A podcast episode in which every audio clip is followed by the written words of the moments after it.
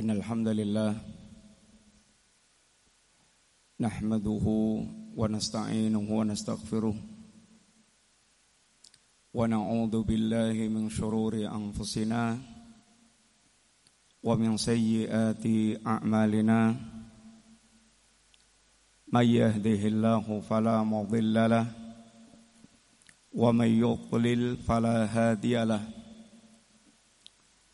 أشهد أن لا إله إلا الله وحده لا شريك له وأشهد أن محمدا عبده ورسوله لا نبي بعده.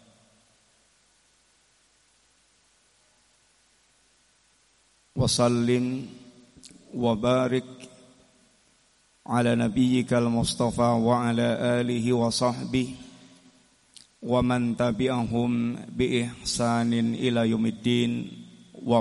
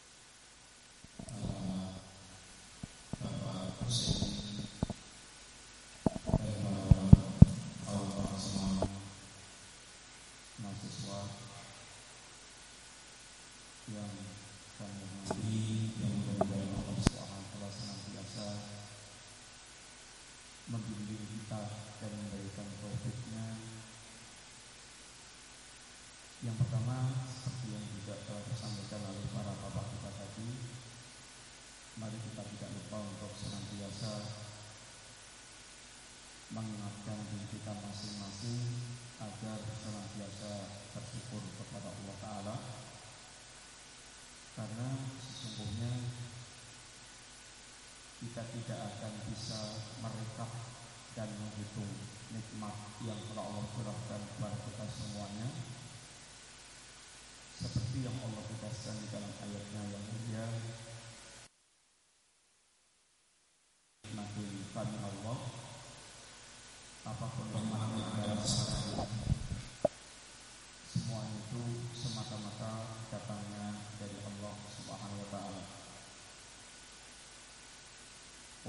ta'uddu nikmatallahi la tuhsuha.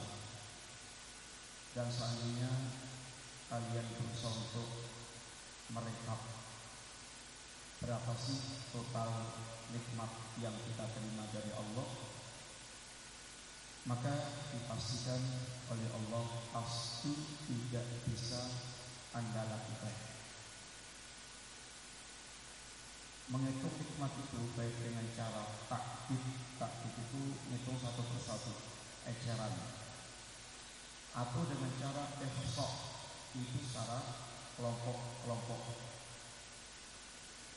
maka dipastikan Allah wa in ta'uddu nikmat Allah la tuhsuha. Pasti tidak akan bisa kita lakukan.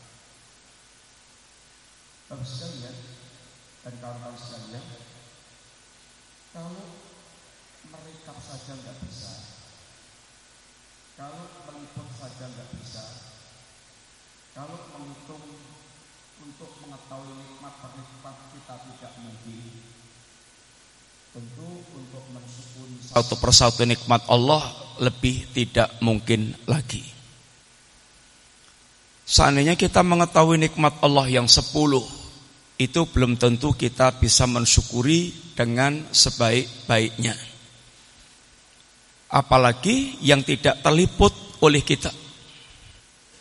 Makanya, di antara bimbingan yang diajarkan Nabi kita yang mulia Sallallahu Alaihi Wasallam, dan itu yang hanya bisa kita lakukan dan itu yang diajarkan dalam zikir kita setiap hari, pagi dan sore. Kita diajari namanya zikir afkar sobah, afkar masa, zikir pagi, zikir petang. Di sana ada yang namanya zikir sayyidul istighfar. Pernah dengar nggak dia? Sayyidul istighfar yang dalam kalimat zikir ini ada satu di antara penggalan kalimat abu'u laka matika alayya wa abu'u bidambi faghfirli. Ya Allah aku mengakui tentang segala nikmat yang telah engkau curahkan kepadaku. Dan aku juga sekaligus mengakui Allah tentang segala dosa yang aku lakukan. Sehingga dengan ungkapan ini betul-betul kita menyadarkan diri kita bahwa kita ini adalah orang yang berlimpah ruah dengan lautan nikmat yang kita tidak akan bisa menghitungnya.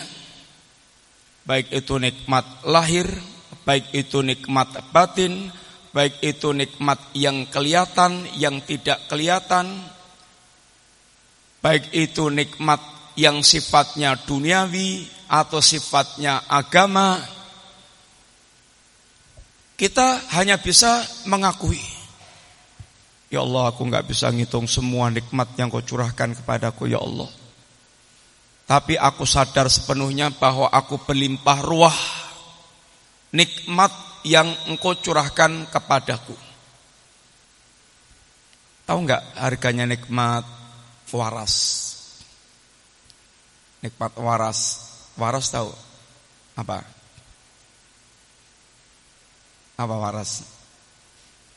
Sehat dan tidak gila. Sehat dan tidak gila. Kalau antum menjenengan dikasih gila, terus dikasih 50 triliun, mau nggak kira-kira? Insya Allah nggak ada yang mau, nggak ada yang mau. Tapi nikmat-nikmat yang gitu-gitu sering sekali kita tidak pernah menyadarinya, taunya itu kadang hanya yang kurang-kurang. Yang kurang-kurang. Sehingga akhirnya kita pun tidak terdorong untuk menjadi orang-orang yang bisa mensyukuri setiap nikmat Allah Subhanahu wa taala.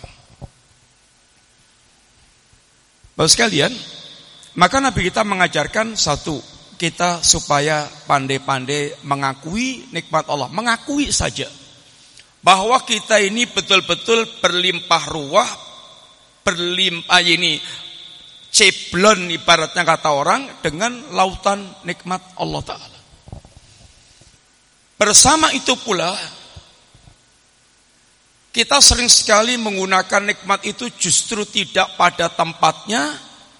Sudah kita tidak bisa mensyukuri, bahkan nikmat itu kemudian kita gunakan pada perkara yang tidak pada tempatnya. Sehingga justru nikmat itu kita gunakan untuk hal-hal yang sifatnya malah menduragai Allah Ta'ala. Pernah lihat barang haram gak? Pernah. Artinya menggunakan nikmat mata itu untuk melihat barang yang haram. Ya mata, ya telinga, ya lidah. Tapi sering kita juga tidak menyadari.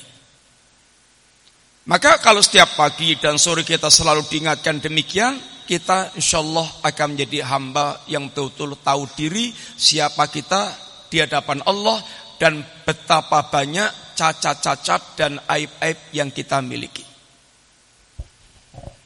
Yang kedua, Bapak sekalian, kita juga sangat bersyukur kepada Allah sekali. Kita punya salam yang layak kita banggakan.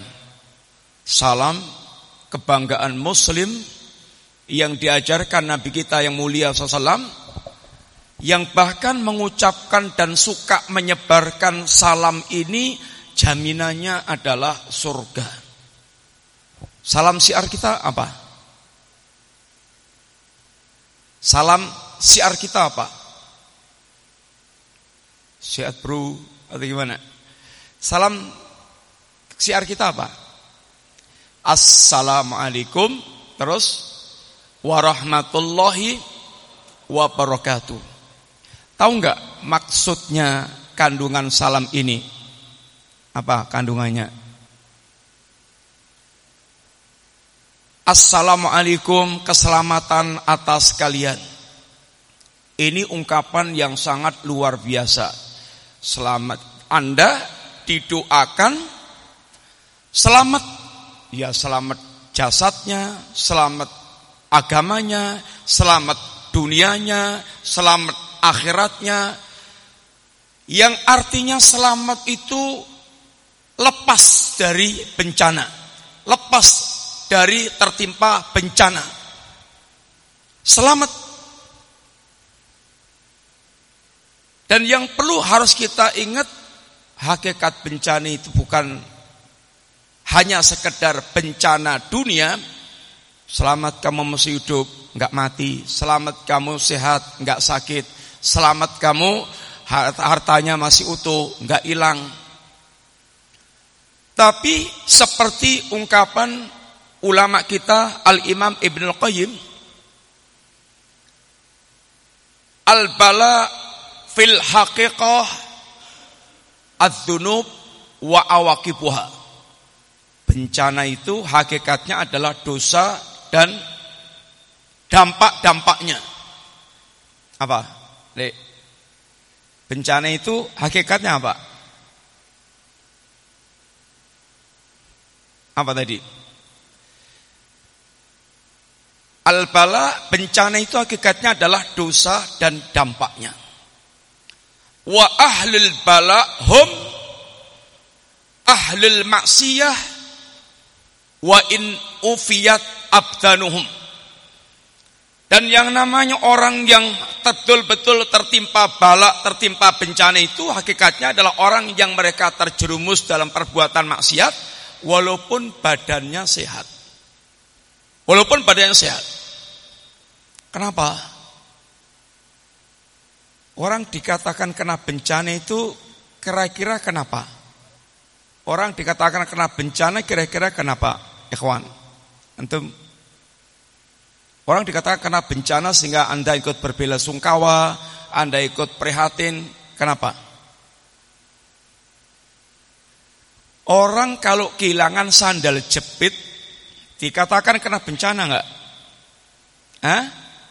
Antum mengucapkan ikut sedih ya, kamu udah kehilangan sandal jepit. Itu. Orang kilatan kehilangan benik, tahu benik enggak? Kancing, kancing baju. Kena bencana enggak? Hah? Gimana? Kena bencana, dianggap kena bencana enggak? Kehilangan kancing. Kelambine kancingi pedot siji. Dianggap kena bencana enggak? Hah? Yo enggak lah, yang kecil-kecil itu enggak dianggap kena bencana. Kena bencana itu kalau motornya hilang, kok sedih. Umai ambruk karena puting beliung atau karena longsor, kebanjiran, kabeh mati, elektroniknya mati, kulkas rusak, jadi macam-macam rusak, apalagi kalau ijazahnya kena, ya ini ketenggelam ke air, baru orang mengucapkan karena dianggap besar-besar. Dan beliau katakan hakikat orang yang kena bencana itu sungguhnya adalah orang yang mereka terjerumus dalam dosa walaupun badannya sehat. Kenapa? Karena maksiat itu akan menghilangkan iman walaupun gempilan kecil. Walaupun hanya gempilan kecil atau apa gempil itu enggak? Gempil cuil, tahu cuil. Walaupun cuilan kecil. Orang bermaksiat itu imannya pasti ada yang cuil, ada yang gempil. Lah gempilan iman ini lebih mahal dari dunia dan seisinya. Lebih mahal dari dunia dan seisinya. Sehingga kalau sehingga kata beliau, hakikat orang yang kena bencana adalah orang yang mereka terjerumus dalam dosa walaupun badannya sehat. Walaupun hartanya utuh, walaupun pangkatnya malah tambah dedel. Sebab nyun ngapunten, kau sekalian, Anda seandainya walaupun menjadi jenderal bintang lima, walaupun Anda menjadi konglomerat, walaupun Anda menjadi penguasa hebat, itu nanti akan menjadi tidak ada gunanya lagi kalau agama Anda tidak selamat. Kalau agama Anda tidak selamat. Sehingga Allah Subhanahu wa taala ingatkan yaumala yang fa'umalun wala banuna illa man atallaha biqalbin salim. Ingatlah akan datangnya hari, di hari itu harta Anda sebanyak apa pun, Anda Anda sehebat apa pun sudah tidak akan bermanfaat lagi kecuali orang yang datang kepada Allah dengan hati yang selamat, yaitu hatinya selamat dari kerusakan iman dan takwa. Hatinya masih utuh, hatinya masih keislamannya utuh, imannya masih utuh. Iman itu letaknya dalam hati kita. Sehingga kalau hatinya itu masih utuh, masih sehat, masih selamat, itu sebuah modal pokok keberuntungan. Makanya pertama doa keselamatan itu hakikat keselamatan selamat agama kita. Ini yang paling utama. Nabi pernah atau kita terajarkan doa di antaranya Allahumma ini nas'aluka salamatan fiddin. Pernah dengar nggak doa itu? Apa artinya? Allahumma inni nas'aluka salamatan fiddin. Artinya apa? Hmm? Ya Allah, aku minta kepadamu selamatnya agamaku. Keselamatan dalam agama. Karena ini memang adalah modal pokok. Kalau Anda tidak punya keselamatan agama, apa pun status Anda itu hanya nunggu waktu untuk dilimparkan ke jahanam, kesengsaraan. Makanya juga Nabi kita berdoa kepada Allah, Allahumma la taj'al musibatana fi dinina. Apa artinya? Semalam sudah kita sampaikan. Allahumma la taj'al musibatana fi dinina. Eh, artinya apa? Semalam sudah kan? Allahumma la taj'al musibatana fi dinina. Apa artinya? Antum? Yang ingat siapa? Apa artinya?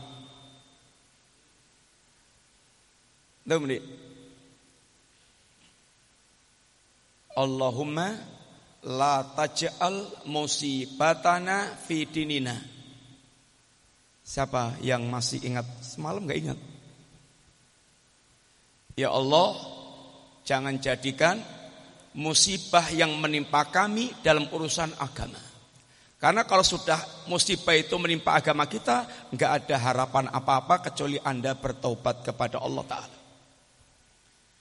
Satu siar kita, isi kandungan siar kita adalah kita didoakan setiap ketemu selamat. Selamat yang paling pertama adalah keselamatan dalam perkara agama kita. Yang kedua, Assalamualaikum terus warahmatullah. Semoga Anda menjadi orang yang dicurahkan rahmat Allah kepadamu.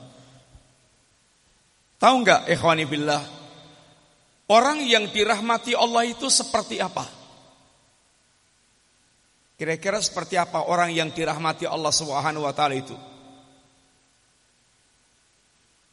Kita sering sekali mengucapkan rahmat, rahmat, rahmat. Semoga rahmat Allah atas Anda apa kira-kira kalau antum? Orang yang dirahmati Allah seperti apa gambarannya? Gimana? Orang yang dirahmati Allah gimana gambarannya? Orang yang dirahmati Allah itu satu masa lalunya diampunkan oleh Allah Subhanahu wa taala. Orang yang masa lalunya diampun oleh Allah dan kita semuanya sadar sepenuhnya bahwa kita ini orang-orang yang pasti banyak dosanya. Anda sadar atau Anda nggak sadar, kita ini orang yang sungguhnya dosanya sangat banyak. Yang Nabi kita mengatakan kullu bani Adam khata, setiap anak Adam itu pasti bukan hanya pernah tapi sering melakukan kesalahan. Sehingga kalau dosa kita masa lalu oleh Allah SWT itu suatu hal yang sangat har kita harapkan. Bagaimana cara Allah itu mengampunkan atau menghapuskan dosa-dosa kita masa lalu? Penghapusan dosa itu dengan beberapa sebab. Satu, bertaubat kepada Allah Ta'ala. Yang kedua, musibah-musibah yang menimpa kita itu akan bisa menggugurkan dosa kalau kita bersabar. Yang ketiga, semangat kita untuk beramal saleh itu akan pula bisa menghapuskan dosa. Innal hasanati yudhibnas sayyiat. Kebaikan-kebaikan itu akan bisa menghapuskan keburukan-keburukan. Sehingga Ketika kita didoakan orang yang mendapatkan rahmat Allah Subhanahu wa taala, itu artinya kita didoakan hati kita, hati kita ini tergerak untuk apa tadi? Tergerak untuk satu bertobat. Kedua, sabar dengan musibah. Yang ketiga, semangat untuk beramal soleh.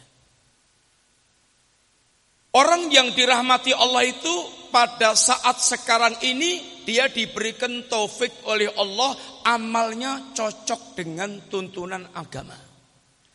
Amalnya tidak menyelisih agama.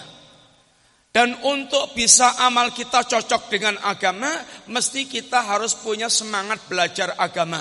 Karena tidak mungkin orang yang tidak paham tentang agamanya, amalnya kemudian senantiasa cocok dengan agama. Sehingga dengan doa ini kita betul-betul dirahmati orang yang seperti ini betul-betul orang yang dirahmati Allah taala. Untuk yang akan datang itu dijaga oleh Allah dari ketergelinciran dalam perkara-perkara yakni kerusakan. Itu maksud dari orang yang dirahmati Allah. Wa barakatuh dan semoga keberkahan tetap melimpah kepada Anda. Semoga Allah curahkan keberkahan kepada Anda. Apa yang dimaksudkan dengan berkah? Eh, apa berkah itu apa? Semoga hidup Anda diberkahi. Lah berkah itu apa? Hmm? Apa berkah itu? Apa, Mas? Ya, untuk baju putih. Berkah itu apa? Orang dikatakan berkah. Nabiullah Isa pernah mengatakan waja'alani mubarakan ainama kuntu dan Allah telah menjadikan diriku berkah di mana pun aku berada. Pak Dinan. Ya. Ya, antum. Ya, jenengan. Hah? Ya, di antara berkah itu adalah manfaat. Berkah itu maknanya kasratul khair wa subutu. Banyaknya kebaikan dan tetapnya kebaikan itu. Orang yang diberkahi artinya dari orang ini muncul keberkahan-keberkahan hidupnya. Muncul kemanfaatan-kemanfaatan hidupnya. Muncul banyak kebaikan. Kalau waktu Anda diberkahi oleh Allah, artinya waktu Anda itu betul-betul padat untuk melakukan kebaikan. Sehingga pindah-pindah kegiatan itu dari baik ke baik, baik ke baik, baik ke baik, sehingga waktunya itu full untuk kebaikan-kebaikan. Itu namanya diberkahi. Selesai sholat, Anda berzikir. Selesai berzikir, Anda bekerja dengan niat ibadah. Selesai beribadah, Anda waktunya sholat, sholat. Kemudian bergaul dengan masyarakat, berbuat baik dengan masyarakat. Kemudian ketemu guru, sangat beradab dengan guru. Ketemu kawan, sangat berbuat baik dengan kawan. Itu namanya orang yang Masya Allah berkah banget. Orang yang hartanya diberkahi, itu ibaratnya nggak ada rupiah yang keluar itu yang sia-sia nggak ada. Sehingga uangnya itu setiap keluar itu mengandung kebaikan. Ada nilai kebaikan. Sehingga hartanya betul-betul diberkahi. Ada hartanya orang, ada orang hartanya miliaran, bahkan sampai triliunan. Tapi nggak berkah. Artinya untuk kebaikan itu sangat-sangat minim. Bahkan sering hartanya mendorong dia untuk melakukan kejahatan-kejahatan, keburukan-keburukan. Sehingga di antara tamsil keberkahan yang Nabi contohkan adalah keberkahan seperti pohon korma. Ya kalau negeri kita contohnya adalah anak pramuka apa simbolnya? Apa anak pramuka simbolnya? Pohon kelapa. Pohon kelapa itu akarnya, batangnya, daunnya, kambilnya itu semuanya bermanfaat, nggak ada yang terbuang. Daunnya dari yang muda sampai yang tua bermanfaat.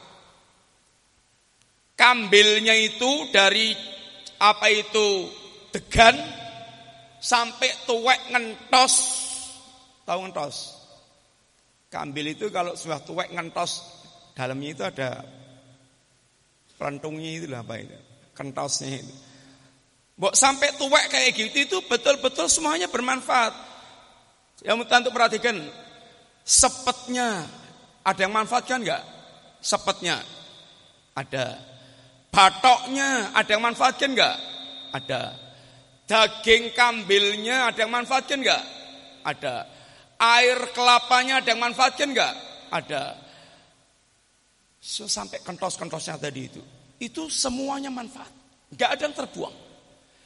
Ah, itu di antara sisi keberkahan seorang muslim seperti itu. Serba memberikan manfaat. Maka ketika Rasulullah SAW ditanya tentang pribadi seorang muslim, Ya Rasulullah, Ayun nasi ahabbu ilallah. Ya Rasulullah siapa sih orang yang paling dicintai oleh Allah Subhanahu itu kata Nabi ahabbun nasi ilallah anfa'uhum linnas Orang yang paling dicintai Allah yang paling bermanfaat bagi manusia. Muslim yang paling dicintai Allah, muslim yang paling bermanfaat bagi manusia. Manfaat itu bukan hanya dengan harta. Manfaat itu bisa dengan ilmu, bisa dengan harta, bisa dengan tenaga, bisa dengan ini pencerahan, bisa dengan jabatan, bisa dengan waktu. Kalau manfaat dengan ilmu contohnya gimana? Mas. Kalau manfaat dengan ilmu contohnya gimana? Gimana? Ya antum ngajari orang yang bodoh, semangat mengajarkan ilmu, menyebarkan ilmu, nggak mahal-mahal, nggak pelit-pelit dengan ilmu, itu namanya memberikan manfaat dengan ilmunya. Mungkin di antara antum kan ada yang pinter, ada yang sangat pinter, ada yang pemahamannya itu sedikit kurang, ada sudah sangat cepat sekali memahami. Antum tularkan, antum ajari, antum itu bagaimana itu mengajarkan ilmu kepada yang lainnya itu artinya kemanfaatan. Kalau manfaat dengan jabatan contohnya gimana?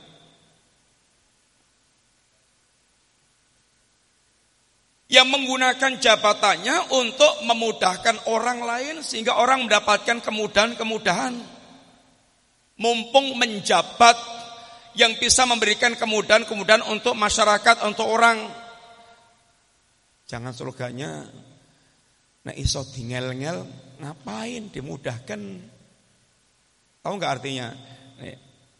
Nah iso dingel-ngel ngapain dimudahkan? Apa artinya? Hah? Nggak tahu. Kalau bisa dimudahkan, kalau bisa disulit-sulitkan, direkasa nih, disengsarakan, ngapain? Digampang-gampangkan. Kalau muslim mestinya itu selama bisa dimudahkan, mudahkanlah. Sehingga kalau Anda surganya begitu, kalau ingin kalau mau jadi guru, jadi dosen, berusaha untuk tampil jadi dosen yang sebagus-bagusnya, ngajarnya gampang, gampang diterima, mencari metode yang tepat bagaimana orang bisa memahami. Itu asas memberikan manfaat. Kita ini diplot oleh Nabi kita menjadi muslim yang serba memberikan manfaat. Kemudian sehingga doa ini siar siar salam kita ini jangan diganti-ganti.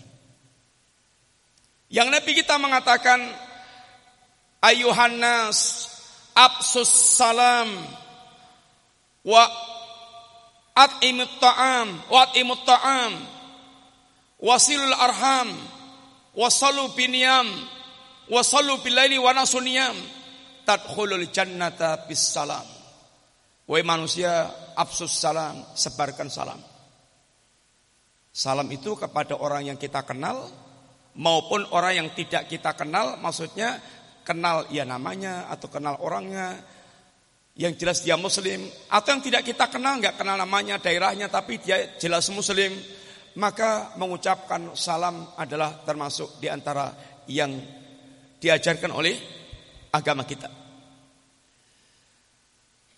Absus salam. Wa'id amut ta'am, kasih makan orang. Kemudian wasilul arham, sambung silaturahim. Kemudian wasalu bilaili wa nasuniyam, salat malam di tengah manusia tertidur. Anda akan masuk surga yang penuh dengan keselamatan. Akan Anda akan masuk surga yaitu dengan penuh keselamatan. Sehingga ini syiar yang sangat agung.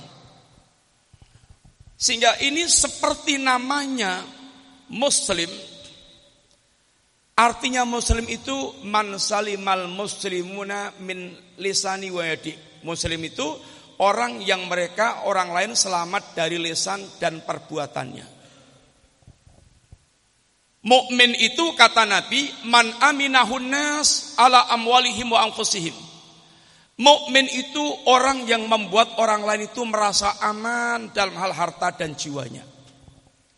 Menjadi muslim mukmin itu seperti itu diplot oleh Nabi kita. Minta maaf. Nabi kita mengajarkan kalau kita habis makan makanan yang bau, contohnya bawang, apa pelu ganggu orang lain itu itu Nabi katakan jangan mendekat ke sholat kita. Jangan sholat bersama kita. Supaya dia pergi dulu. Menjauh. Kalau keganggu abab itu saja dilarang. Ganggu dengan abab. Tahu abab enggak? Ganggu dengan abab itu dilarang. Bau mulut itu loh. Lebih-lebih kalau mengganggunya dengan yang lebih besar daripada itu. Dalam masalah iman Nabi katakan cabang iman itu di antaranya imatotul ada anitorik membuang duri yang ada di jalan. Kalau ada duri, sebetulnya ada itu bukan hanya duri. Kali para ulama sering terjemahkan duri. Ya duri, ya mungkin bolongan, dalan bolong, atau ada kulit pisang di jalan. Kalau ditek itu bisa melesetkan orang, atau ada oli tumpah di jalan. Intinya semua yang akan bisa menimbulkan gangguan. Termasuk gangguan hisya maknawi. Gangguan maknawi. Contohnya apa? Contohnya mamanya gambar-gambar porno. Ganggu nggak? Gambar porno itu. Ganggu apa? Ganggu bagi orang yang pengen berakhlak baik. Ganggu bagi orang yang pengen hatinya bersih. Ganggu bagi orang mereka pengen berjalan kepada Allah sehingga cepat sampai. Sehingga tinggi derajatnya. Itu ganggu banget. Ganggunya apa kira-kira?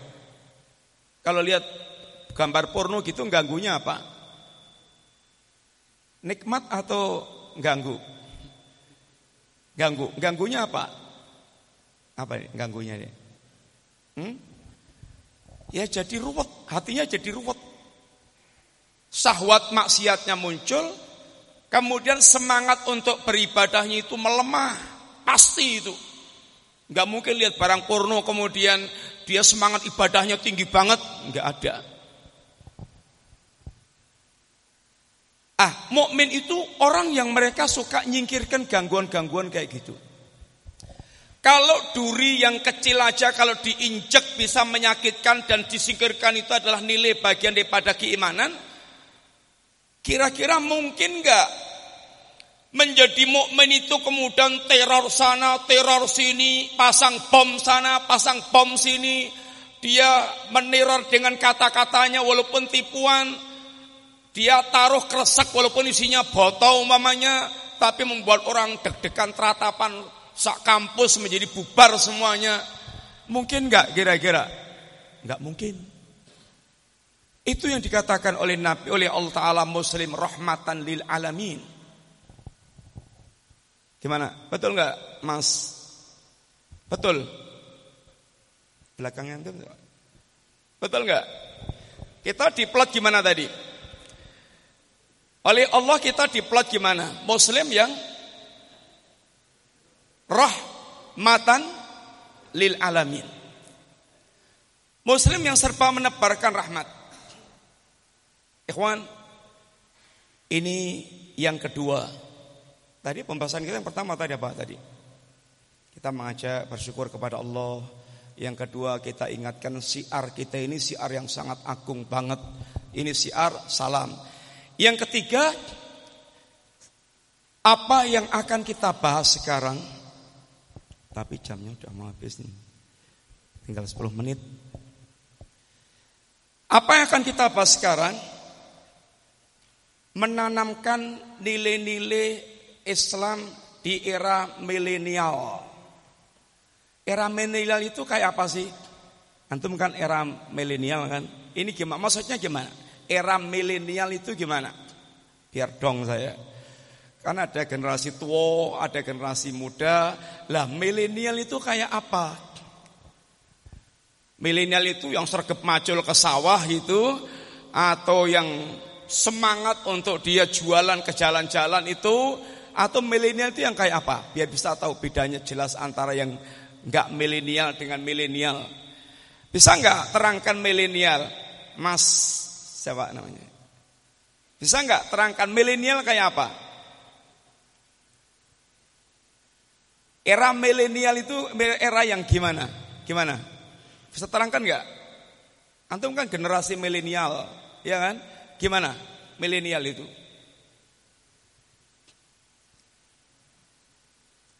Masa kemajuan teknologi. Ya, terus kalau dengan majunya teknologi terus antum gimana? Jadi jadi gimana itu? Hidupnya jadi gimana itu? Sehingga dikatakan milenial itu. Pokoknya yang kenal teknologi milenial, yang nggak kenal nggak milenial gitu. Atau gimana? Ikhwan bila Anda dianggap generasi milenial, generasi masa kini, generasi muda zaman sekarang. Yang penting sekarang dengan teknologi yang berkembang pesat, yang masya Allah, antum sekarang posisinya kayak apa? Apakah menjadi orang yang menjadi super hebat, super baik, atau bagaimana? Kita dengan barat teknologinya duluan mana majunya? Ya? Kita dengan dunia barat itu teknologinya duluan mana majunya? Barat. Tahu nggak antum bagaimana kondisi manusianya yang berteknologi tinggi, yang hiburannya ada di mana-mana, yang fasilitasnya lengkap. Tahu nggak antum kondisi manusianya kayak apa? Saya dan Anda sama-sama insya Allah nggak begitu tahu kalau nggak lihat sendiri. Tapi ada penelitian psikologis kejiwaan mereka. Bagaimana masyarakat yang ada di yang yang dikatakan maju, teknologinya tinggi, serba bebas, serba cemepak, segala macamnya itu. Di antaranya satu, mereka adalah masyarakat yang paling banyak mengkonsumsi obat penenang kalau orang mengkonsumsi obat penenang itu untuk apa sih? Hah? Ikhwan? Jiwanya kenapa kok tidak tak minum obat yang menenang itu? Ya tentunya banyak ruwetnya. Kemudian biar bisa lebih tenang itu minum obat penenang. Anda ini Enggak minum obat penenang aja gampang tidur. Apalagi kalau di majelis taklim kayak gini ini. Obat tidur paling jadem. Longgo pokoknya ustadznya salam itu langsung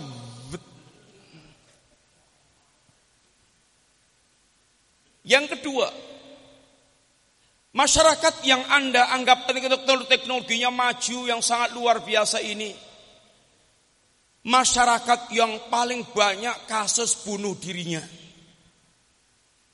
Kasus bunuh diri.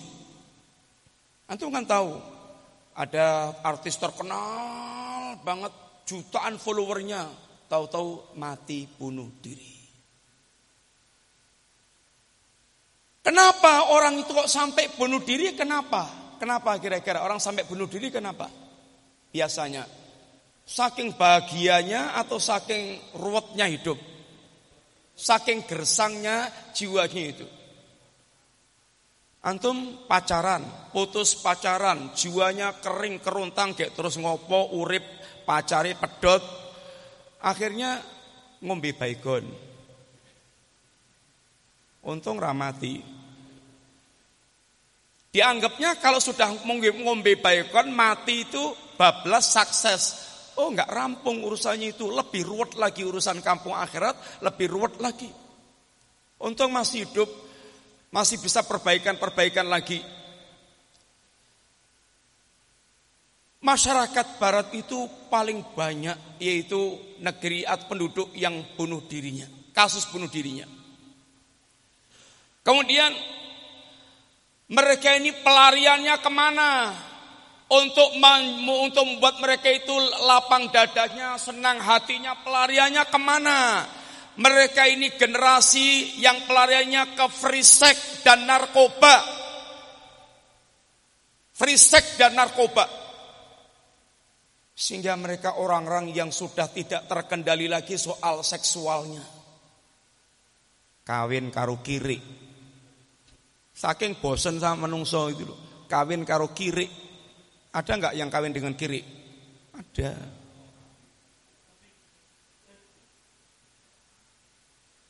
Ini karena sudah memang rusak.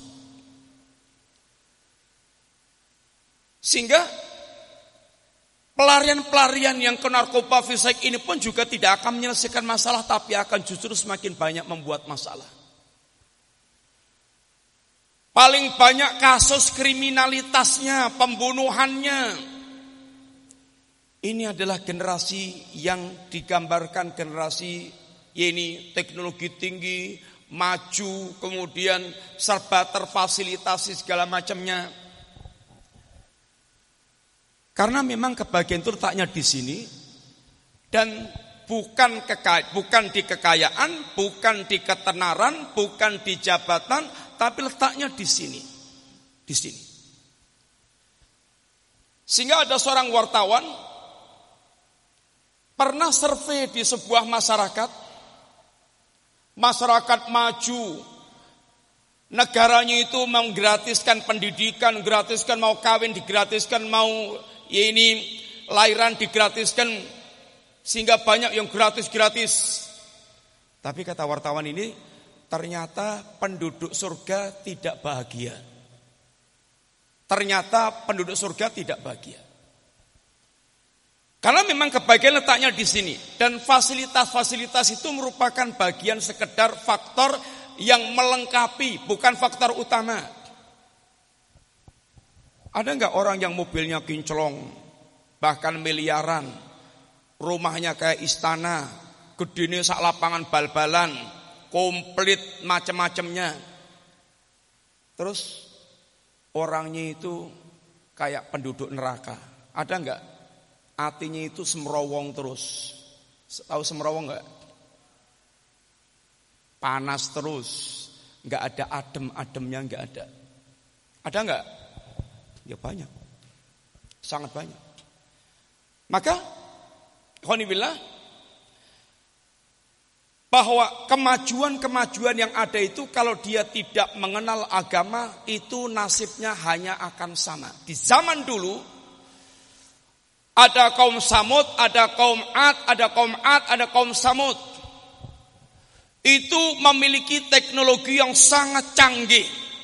Gunung aja bisa diukir jadi rumah. Gimana? Ngukir gunung jadi rumah itu caranya gimana? Pakai ditata-tata tok gini atau gimana? Kayak kan tuh bayangkan teknologinya teknologi kampungan atau canggih. Tentu itu dilakukan dengan teknologi khusus. Tapi bagaimana kaum Ad dan Samud akhirnya juga dihancur binasakan oleh Allah karena kemajuan mereka hanya membuat mereka itu sombong sampai akhirnya mengatakan ya ini waman ya ini memangnya ada yang lebih kuat daripada kita. Kebanggaan yang membuat mereka semakin sombong dan lupa dengan Allah Subhanahu wa taala. Ikhwanibillah, kita yang ingin, ingin mengingatkan kalau hari-hari ini Anda itu diajak untuk memperingati Rasulullah sallallahu alaihi wasallam sebaiknya kita mem mencintai Nabi itu setahun sekali atau tiap hari kita mencintai Nabi? Hah? Harusnya tiap hari. Tahu nggak Anda kepribadian Rasulullah SAW itu kayak apa? Digambarkan oleh Allah Ta'ala kepribadian Nabi kita dengan ungkapan Alam tara kaifa daraballahu mathalan kalimatan thayyibatan kasyajaratin thayyibatin aslu wasabitun wa far'u fis sama tu'ti ukula kula hinin bitni rabbiha Allah katakan Tahukah anda bagaimana Allah telah memberikan tamsil perumpamaan tentang kalimat taibah yaitu seperti, yaitu seperti pohon yang baik. Kalimat iman, kalimat Islam kayak pohon yang baik. Pohon yang baik ini akarnya kokoh, batang pertabangannya menjulang, buah-buahnya itu senantiasa keluar dengan izin Allah taala. Tamsil ini adalah tamsil kepribadian orang yang hatinya menyimpan kalimat tauhid. Menyimpan kalimat iman, Pohon itu ada bagian akar, ada bagian batang percabangan, ada bagian buah-buahan. Akar itu di atas permukaan tanah atau di bawah permukaan tanah? Di bawah. Tapi akar ini semua penentu pohon tersebut. Batang percabangan yang menjulang dan buah-buahan yang keluar ini sangat berkaitan dengan akar. Kalau antum mau menanam, kalau antum mau membangun rumah, yang pertama kali dipasang itu empiaknya atau apanya? Pondasinya. Pondasinya. Membangun manusia untuk menjadi manusia yang berakhlakul karimah itu seperti mau membangun rumah. Yang nampak nanti Rumahnya bagus, temboknya kokoh, aksesorisnya Masya Allah, sangat mengherankan. Hebat-hebat semuanya. Tapi jangan lupa, ini semuanya itu sangat ditentukan dengan kondisi yang ada di bawahnya itu, yaitu pondasinya itu.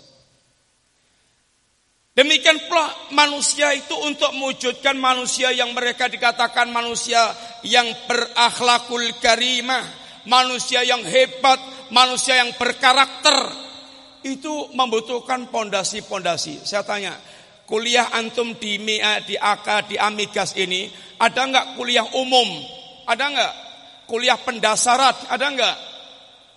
Semua kuliah ada pendasarannya. Ada matematika dasar, ada fisika dasar, ada semuanya ada ilmu-ilmu dasar. Kedokteran dasar. Demikian pula ketika kamu membangun kepribadian muslim yang Anda akan bisa dibuat terkagum-kagum, itu pakai pendasaran. Rasulullah SAW 13 tahun membangun pondasi iman di hatinya para sahabat Nabi. Dengan cara mengajarkan, dengan mengenalkan siapa itu Allah, apa itu yaumul akhir, sehingga tergambar di kedua kelopak matanya, sehingga nancep dalam hatinya. Itu membuat mereka betul-betul menjadi manusia militan sebagai hamba Allah Ta'ala. Agamanya nggak bisa dibayar atau bahkan walaupun harus dia menghadapi yaitu seksaan-seksaan. Anda akan tahu Bilal bin Rabah, Ammar bin Yasir, kemudian Hobab bin Ar'ad. Itu sahabat-sahabat yang mengalami seksaan-seksaan berat dari tuan-tuan Quraisy. Tapi mereka tegar bagikan karang ini yang tegar teguh di lautan. Om diterpa ombak kayak apa pun tidak patah. Dan jenderalnya adalah Rasulullah SAW. Contohnya masternya adalah Rasulullah SAW. Nabi mengalami semua dari penyiksaan, dari umpatan-umpatan, dari dilakukan perlakukan dengan kasar, diperlakukan dengan tawaran-tawaran yang halus, sampai ingin dibeli dengan jabatan dan kekuasaan. Pernah datang pada Nabi Muhammad, apa sih yang kamu cari dengan dakwah kamu itu apa? Kalau kamu cari kekuasaan, kamu tak jadikan orang nomor satu di Mekah, semua kami akan sepakat taat kepada kamu. Kalau kamu pengen cari harta, tak kumpulkan hartanya Kures, biar kamu jadi orang yang paling kaya raya di kalangan Kures. Kalau kamu cari wanita, tak pilihkan wanita yang paling kamu minati. Apa kata Nabi perkataan yang sangat terkenal sekali? Lau wada'u samsa fi yamini wal qamara fi shimali ala an atruka hadzal amro la atruku Seandainya mereka sanggup meletakkan matahari di tangan kananku dan bulan di tangan kiriku dalam rangka aku meninggalkan dakwah tauhid ini, oh tidak akan aku tinggalkan.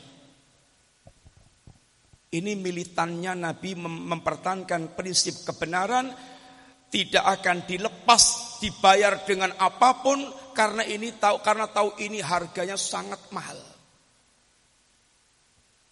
Kalau antum punya emas berlian walaupun ibaratnya itu masih yaitu nggak kelihatan kinclong mau dibeli orang dengan ditukar kebu boleh nggak?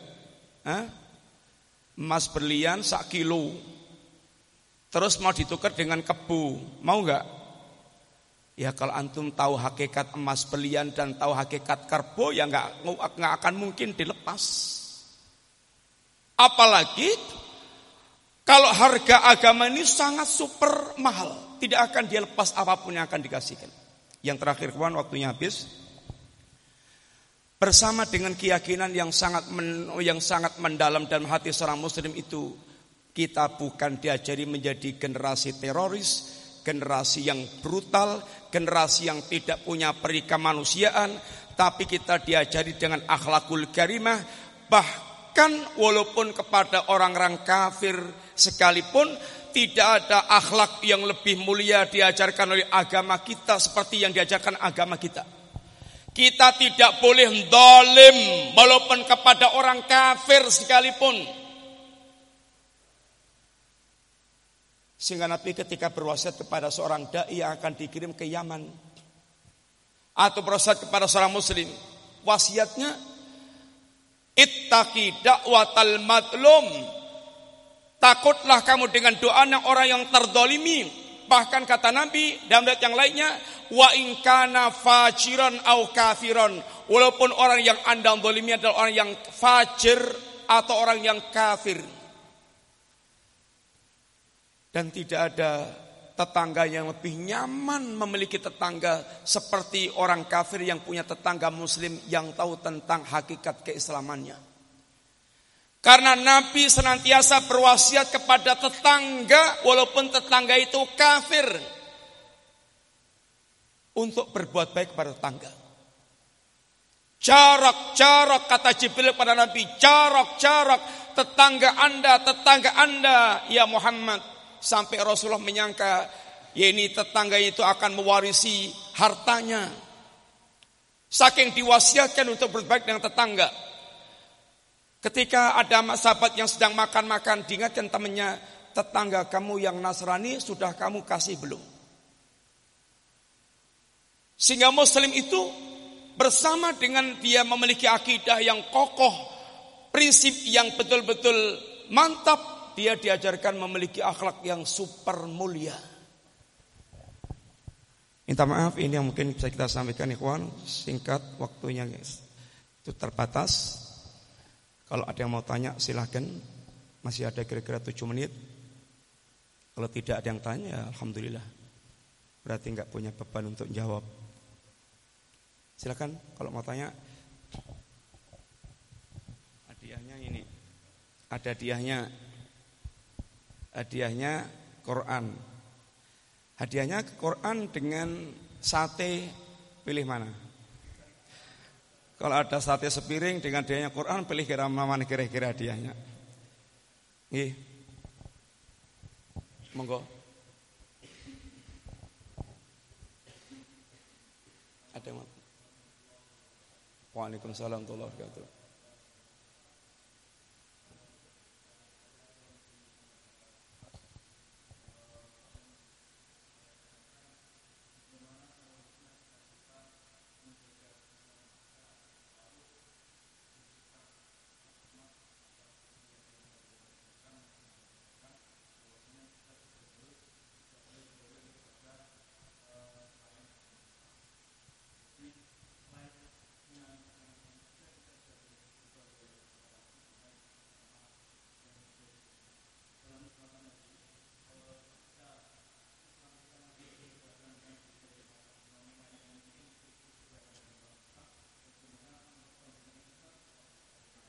Ya.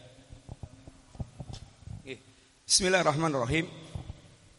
Cara kita untuk bagaimana tetap menjaga keislaman kita rahmatan lil alamin. Yang pertama kita harus paham, tentunya yang pertama paling prinsip kita harus paham persis tentang keislaman yang diajarkan oleh Nabi yang rahmatan lil alamin. Karena amal kita tergantung ilmu kita.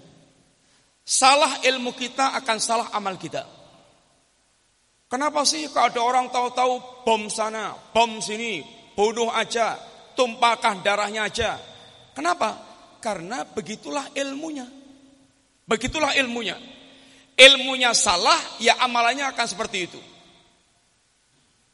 Kenapa ada orang yang mereka tahu-tahu sampai pada tingkat kemudian bilang semua agama sama?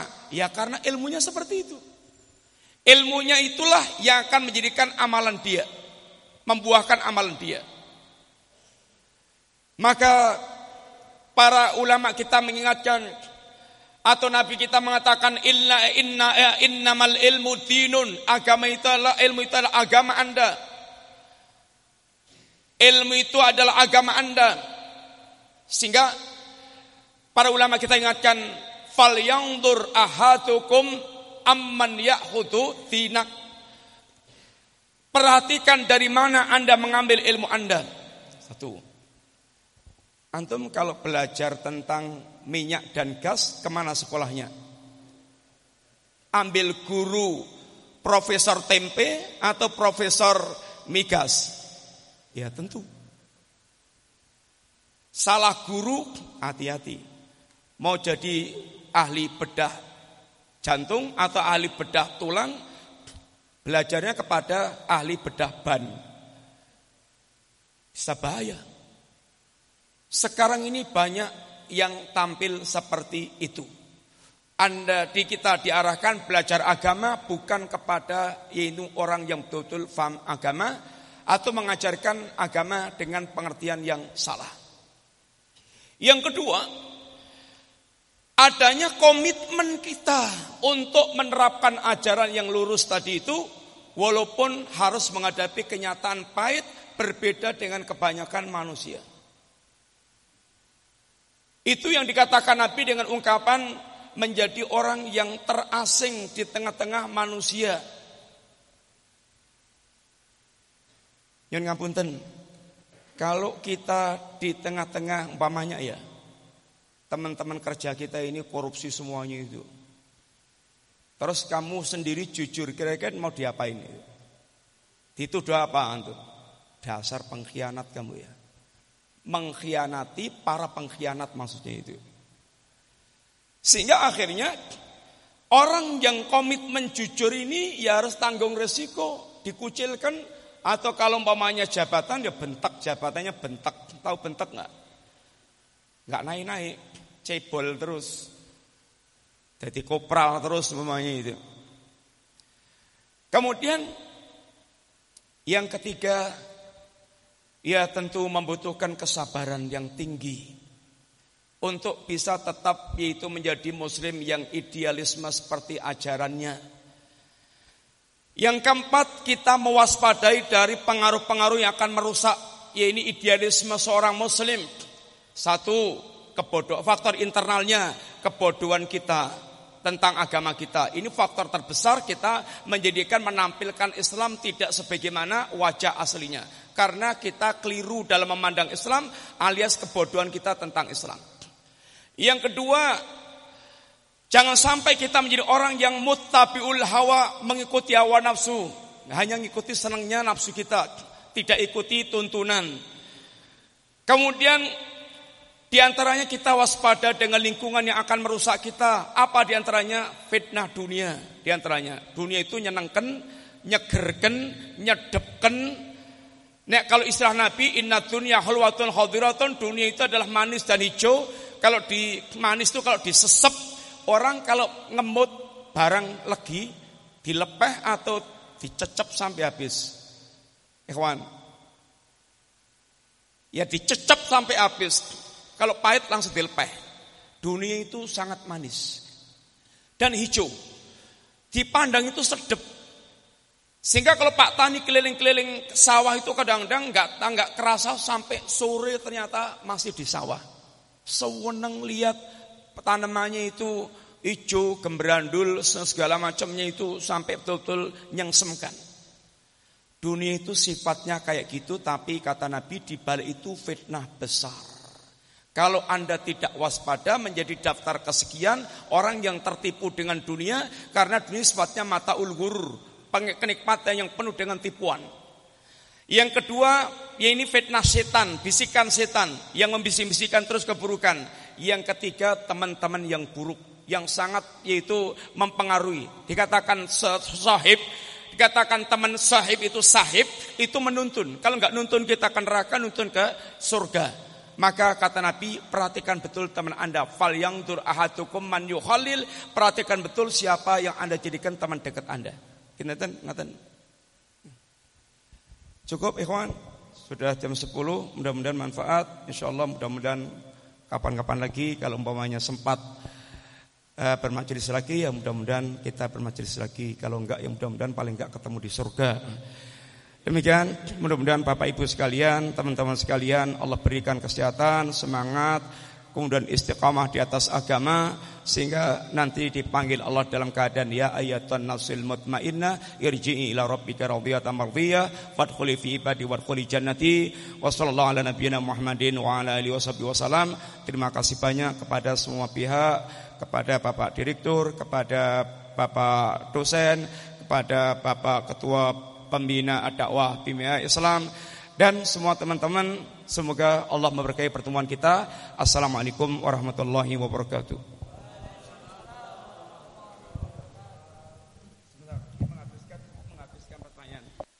Berarti pertanyaan kedua, apa artinya innamal a'malu binniyat?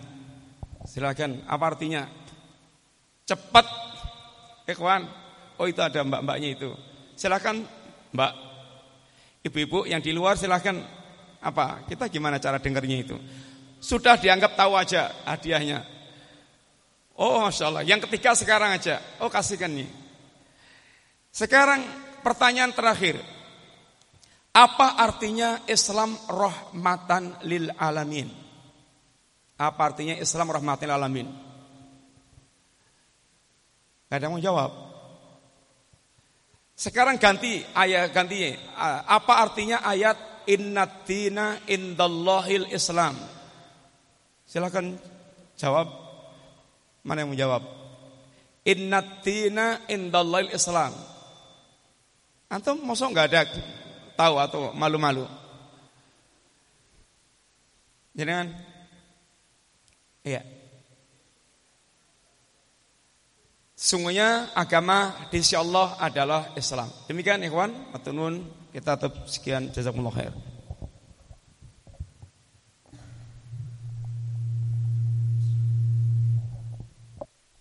Baik, terima kasih kepada Ustadz Afifi dari Afifi Abdul Hadud yang udah mengasih materi pada pagi hari tadi. Selanjutnya uh, pemberian plakat oleh Pak Asep kepada Ustadz Afifi.